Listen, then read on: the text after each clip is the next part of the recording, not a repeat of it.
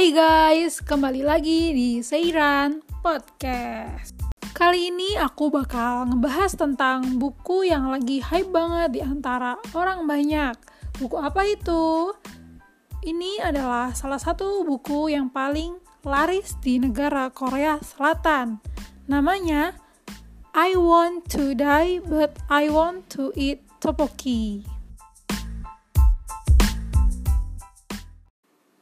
Kalau kalian mau tahu isi bukunya, jangan lupa dengerin podcast ini sampai akhir ya.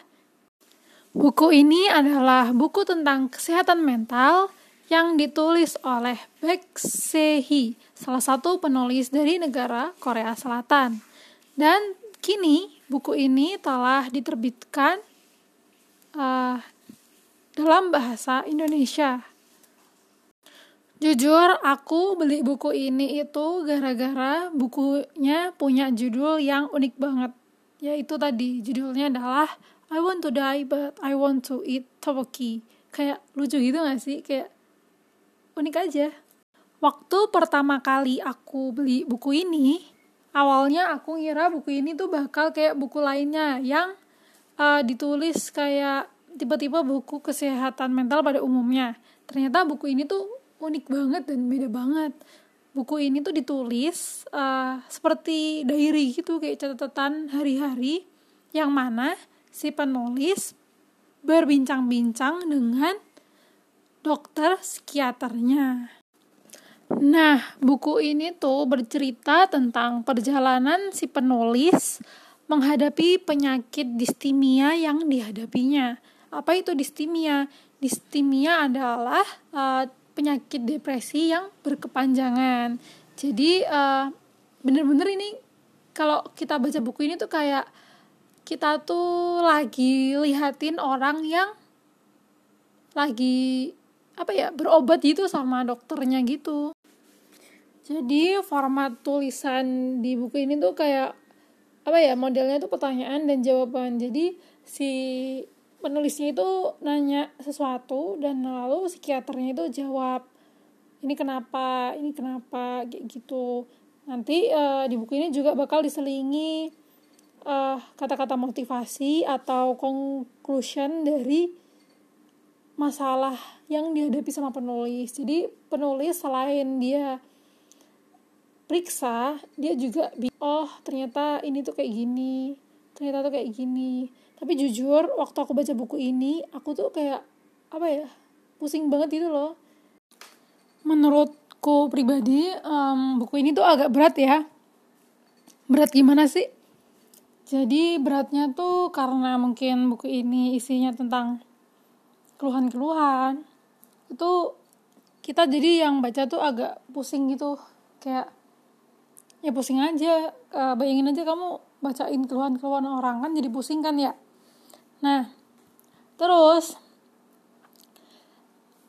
uh, tapi dari buku ini tuh kayak banyak banget pelajaran yang bisa kita ambil. Uh, dari karena buku ini itu dijelaskan oleh uh, ahlinya langsung. Jadi bakal banyak jawaban-jawaban yang bakal menjadi insight baru buat kita. Tapi jujur aku belum bisa nyelesain buku ini karena terlalu berat buat aku.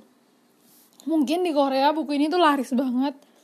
Gara-gara emang orang-orangnya itu pada ngerasain hal yang sama. Uh, pada ngerasa depresi mungkin ya. Pada ngerasa sedih gitu. Tapi karena emang aku nggak kayak gitu jadi mungkin buku ini kurang relate sama aku. Terus di kata pengantar biar orang-orang yang baca buku ini nggak pada self diagnosis apa? Diagnosis diagnosa ya itulah. Itu uh, penerbit Haru itu ngasih kata pengantar yang ditulis oleh salah satu psikiater bagus di Indonesia. Tapi nggak tahu kenapa justru part yang paling aku suka dari buku ini tuh malah part uh, kata pengantar. Jadi kata-kata pengantarnya tuh kayak bener-bener bagus itu loh. Jadi buat kalian yang mau beli buku ini wajib banget buat baca kata pengantarnya. Karena di situ banyak insight insight baru dan nggak kepikiran mungkin sebelumnya sama kita. Dan dikemasnya tuh kayak asik gitu loh.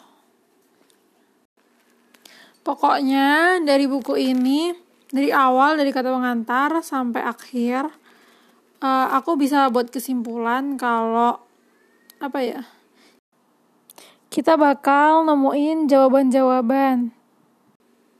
Bagus banget. Ini buku ini tuh bagusnya tuh karena uh, ngasih jawaban-jawaban atau ngasih uh, solusi yang emang kita nggak kepikiran karena emang uh, jawaban tersebut itu langsung dari ahlinya jadi ya recommended lah buku ini. Uh, aku kasih rating 3 dari 5 kali ya. Ya oke. Okay, gitu sih.